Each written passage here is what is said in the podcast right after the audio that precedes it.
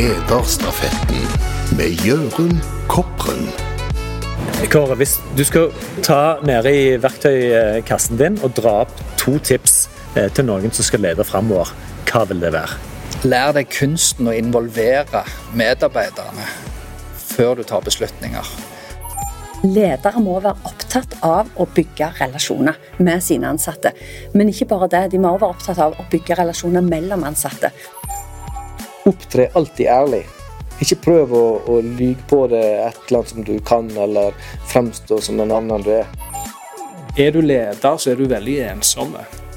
Så det er viktig at du har stor tro på deg sjøl, og at du må tørre å feile. Skaff deg en mentor som er i en annen alderskategori enn deg sjøl. Det å, å, melde seg på, si ja og, og si fra når en ønsker noe, er viktig. Punkt N er å delegere.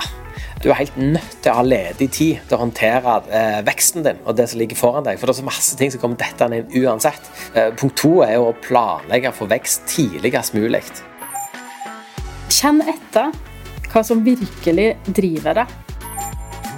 Jeg tror det er veldig viktig for ledere at man klarer å, å sette en retning, og at man, at man bidrar med å skape tydelige og gode, gode strategier.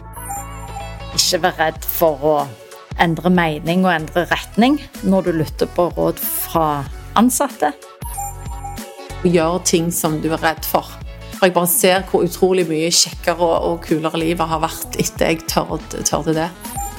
Jobbe strategisk, sette seg gode planer, sette seg gode mål.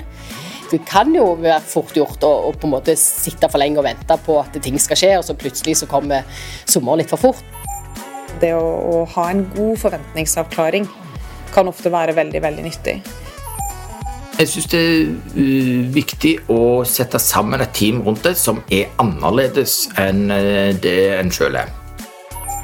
Et råd er å stole på deg sjøl.